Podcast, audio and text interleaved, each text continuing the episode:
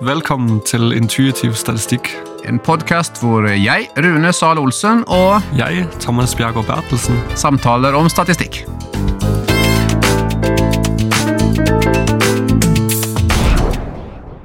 I denne podkasten skal vi snakke om hvordan eh, variabler kan påvirke hverandre.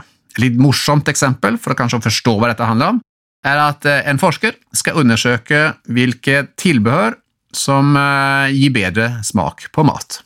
Han setter opp en eh, bod på stranden en sommerdag, og kan, folk kan velge på å få is eller pølse. Og så tar han helt tilfeldig og velger tilbehør til dette.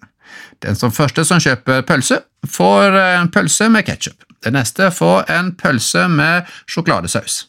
Og så det, kommer det en og kjøper en is som får ketsjup på isen. Og neste får en eh, is med sjokoladesaus. Og så eh, analyserer han dataene sine til slutt, når han er ferdig på kvelden, og har delt ut dette til 500 mennesker. Det ser ut som at det ikke har noen ting å si om de får ketsjup eller sjokoladesaus. Det er jo litt underlig. Men det er sånn at avhengig av hva du fikk, om du fikk pølse, om du da vil ha ketsjup på, eller om du vil ha sjokoladesaus. Og det så han jo når han så på dette her, at den ene påvirker den andre. Variabelen hvilken type matrett du fikk, og hvilken tilbør du fikk, påvirker resultatet. Så det vi skal gå inn på i dag, er rett og slett interaksjonseffekt, hvordan variabler kan påvirke hverandre med å interagere. Vi skal også gå inn på dette med flernivåsregresjon, altså multi-level regression. La oss si at vi skal undersøke du og meg, Thomas, effekten av behandlingen her på BUP, og vi har variabelen antall timer, og vi har den andre variabelen er behandler. Hvem det er, altså. Om det er deg, Thomas, eller om det er meg. Mm. Du tilbyr jo kjefteterapi, det er jo du veldig kjent for, hvor du altså kjefter på behandlerne, eller på klientene når de kommer, og jeg tilbyr vanlig behandling. Så når vi tar inn da både behandler og antall timer i regresjonen, så ser vi at det er ikke helt som om de får det noe særlig bedre for, eh, jo flere timer de får. Konklusjonen ser da ut, på en måte, ut fra vår analyse at eh, nei, det er ikke noe hjelp i å få flere timer. Men det er jo en litt underlig konklusjon etter terapi. For jeg vet at alle de som kom til meg, de fikk det bedre. Så dersom vi nå ser på effekten av hver enkelt av variablene, så ser vi at de faktisk påvirker resultatet. Så visuelt, hvis vi da liksom får dette til å komme ut som noen grafer, så kan vi se at eh, hvilken behandler de har, påvirker utgangseffekten. Så da er det liksom en interaksjon, påvirkning mellom hvilken terapeut du har fått, og antall timer. Og da har vi en interaksjonseffekt. Mm. De, de eh, klientene som kom til deg, de fikk det i grunnen dårligere for hver gang, for du kjeftet i huden full hver gang, og jeg lyttet på de og hørte på de og ga de noen gode råd, og de fikk det litt bedre. Men siden vi er begges våre klienter er i den samme datasettet, så endte det ut med at vi nulla ut, så det ble ingen effekt. Så det er et litt tåpelig eksempel selvfølgelig på hvordan man kan bruke, man bruker interaksjonseffekt, men dette forekommer også i datasett til vanlig. Så eh, andre eksempler på når man kan bruke det, tenker du, Thomas?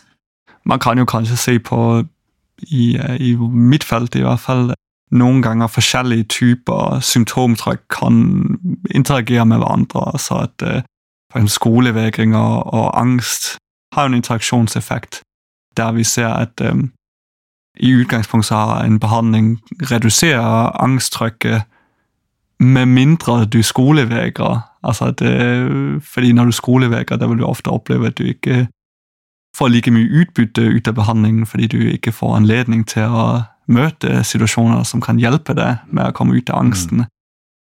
Så der sier vi at ja, behandlingen er effektivt, men man må ta høyde for at eh, for de som skolevegrer, der, eh, der switcher du på en måte effekten om, at den, der har du eh, ikke så stor effekt. Så da har du en interaksjon mellom ja, symptomer og skolevegring. Så det å sjekke ut om, det, om en variabel har en innvirkning på en annen, det kan være veldig viktig.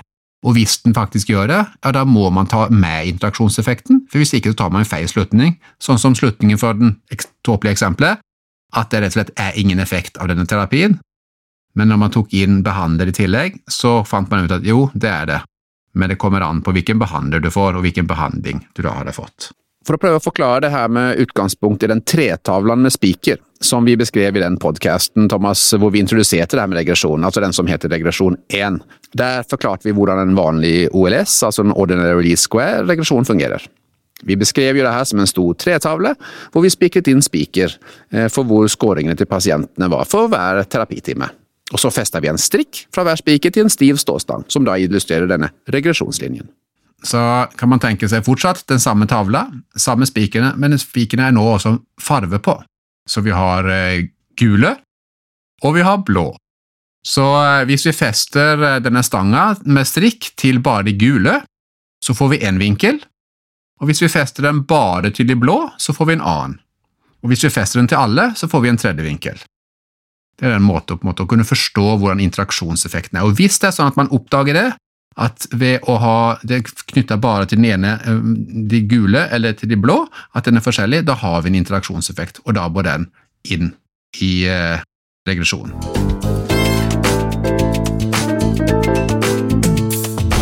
Nå har vi snakket om interaksjonseffekt, altså hvordan en variabel påvirker en annen variabel, og nå skal vi gå videre til å snakke om flernivåsregresjon, eller multilevel-regresjon, som det jo heter på engelsk. Og det er jo noe som kan være meget nyttig for å forstå hvordan et fenomen fungerer.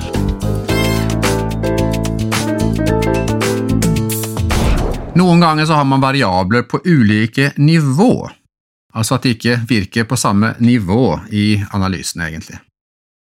La oss si at vi skal teste ut et mestringskurs i skolen. Mestringskurs for psykisk helse. Og så tilbyr vi det samme kurset til barneskolen, ungdomsskolen og videregående. Generelt sett så fikk de i barneskolen de fikk det ikke noe bedre av denne. På ungdomsskolen så, så det ut som om de fikk ganske god effekt av dette, men på videregående nei, da virker det ikke heller. Og da har vi på en måte for forskjellige nivåer er da hvilket klassetrinn de er på. Vi fant ut at eh, kurset det var rett og slett for avansert til at de på barneskolen kunne skjønne og få noe ut av det. På ungdomsskolen så forsto de det og tok det til seg, men på videregående da ble det rett og slett for elementært og barnslig.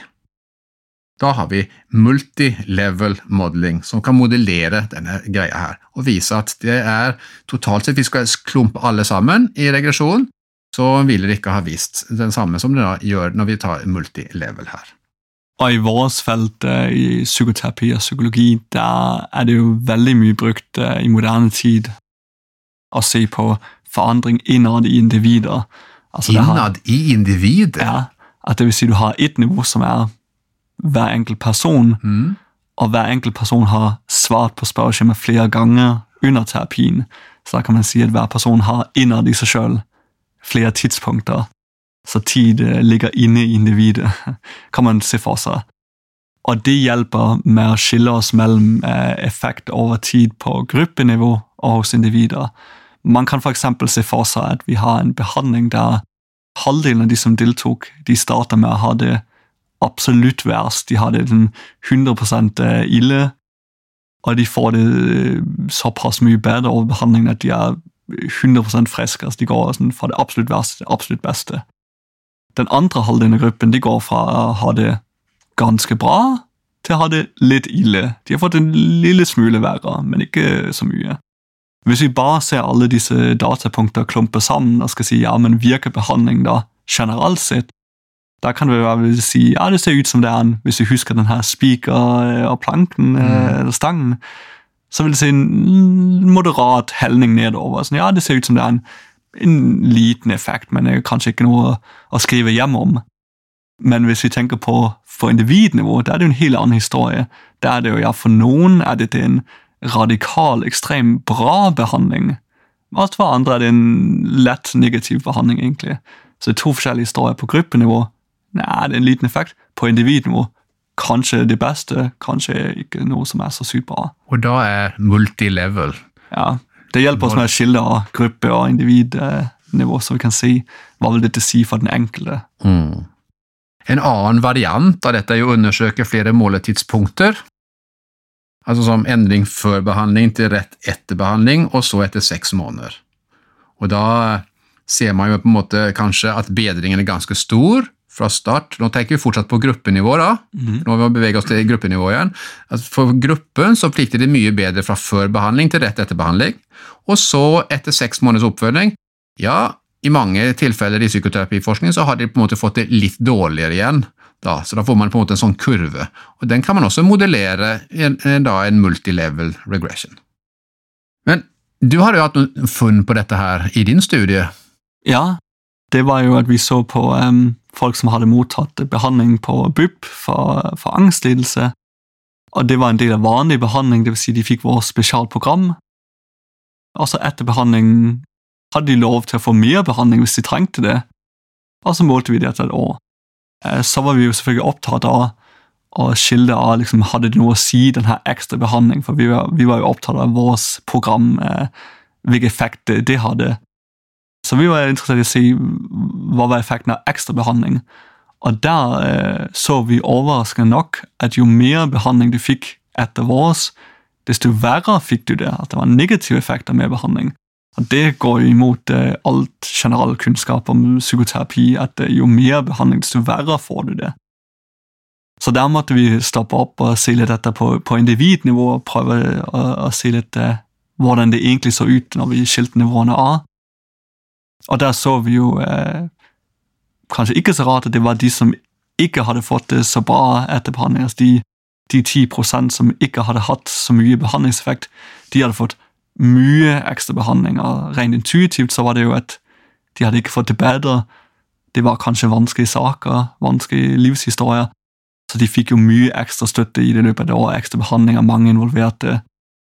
Og det er Men- helt, helt logisk, For mennesker som sliter, de skal få ekstra hjelp, pleier vi å tenke. Ja, så, men, og de hadde jo kommet en vei, men ikke kom så langt. der, Så derfor hadde de ikke fått en bedring, mens de som hadde fått mye bedring etter behandling, de trengte jo ikke mer behandling. Så der var det derfor på en måte forklaringen på hvorfor på gruppenivå mer eh, terapi gir dårlig effekt. Det var jo egentlig kanskje at heller de som hadde det litt vanskeligere, trengte mer eh, i vårt tilfelle. Men dette kommer altså rett og slett ut, ut fra at vi ser på endring ut fra forskjellige tidspunkt. Mm. Det kalles jo gjerne med et fint begrep for growth curve analysis, altså vekstkurveanalyser gjerne da, og undersøke hvor mange som får eh, en bedring i, i, i løpet av et eh, av behandlingsforløp. Og så kan man da finne ut at den gruppen som hadde mest problemtrykk ved start, trenger mer tid for at endring skjer, eksempel, kan man også finne ut da. Mm. Denne type analyse. Men det er altså egentlig alle sammen, alt sammen snakk om multilevel, altså flernivås regresjoner, som man bruker på forskjellige måter for å finne ut av svar på forskjellige spørsmål. Da er det tid for en eh, liten oppsummering, Thomas. Yes. I dag har vi snakket om eh, interaksjon i regresjoner og multilevel-modeller. Eh, og interaksjoner, der snakker vi om dette her med at noen ganger så er, så summen av delene større enn hver del for seg. At noen ganger så to ting sammen kan nulle hverandre ut, eller gi dobbelt opp på begge effekter. Eller effekten kan bli helt motsatt av hva den var opprinnelig. Eh, for eksempel med, med ketchup på is og, og sånne ting. Det, begge deler er godt, men sammen er det ikke så godt. Eh, og så snakker vi omkring dette her med multilevel-modeller, eller flernivåsmodeller, som er liksom når du har lag, eller noe som er f.eks. skoleklasser i en skole, i en kommune. At det er en form for modell som kan være viktig hvis man må ta høyde for den type eh, strukturer. Både du og meg, Thomas, jobber som forskere ved Avdeling for barn og unges psykiske helse ved Sørlandet sykehus i Kristiansand. Vi vil gjerne si takk til Sørlandet sykehus og vår kollega Semia Mojcik, som sammen med en pasient lager signaturmelodien.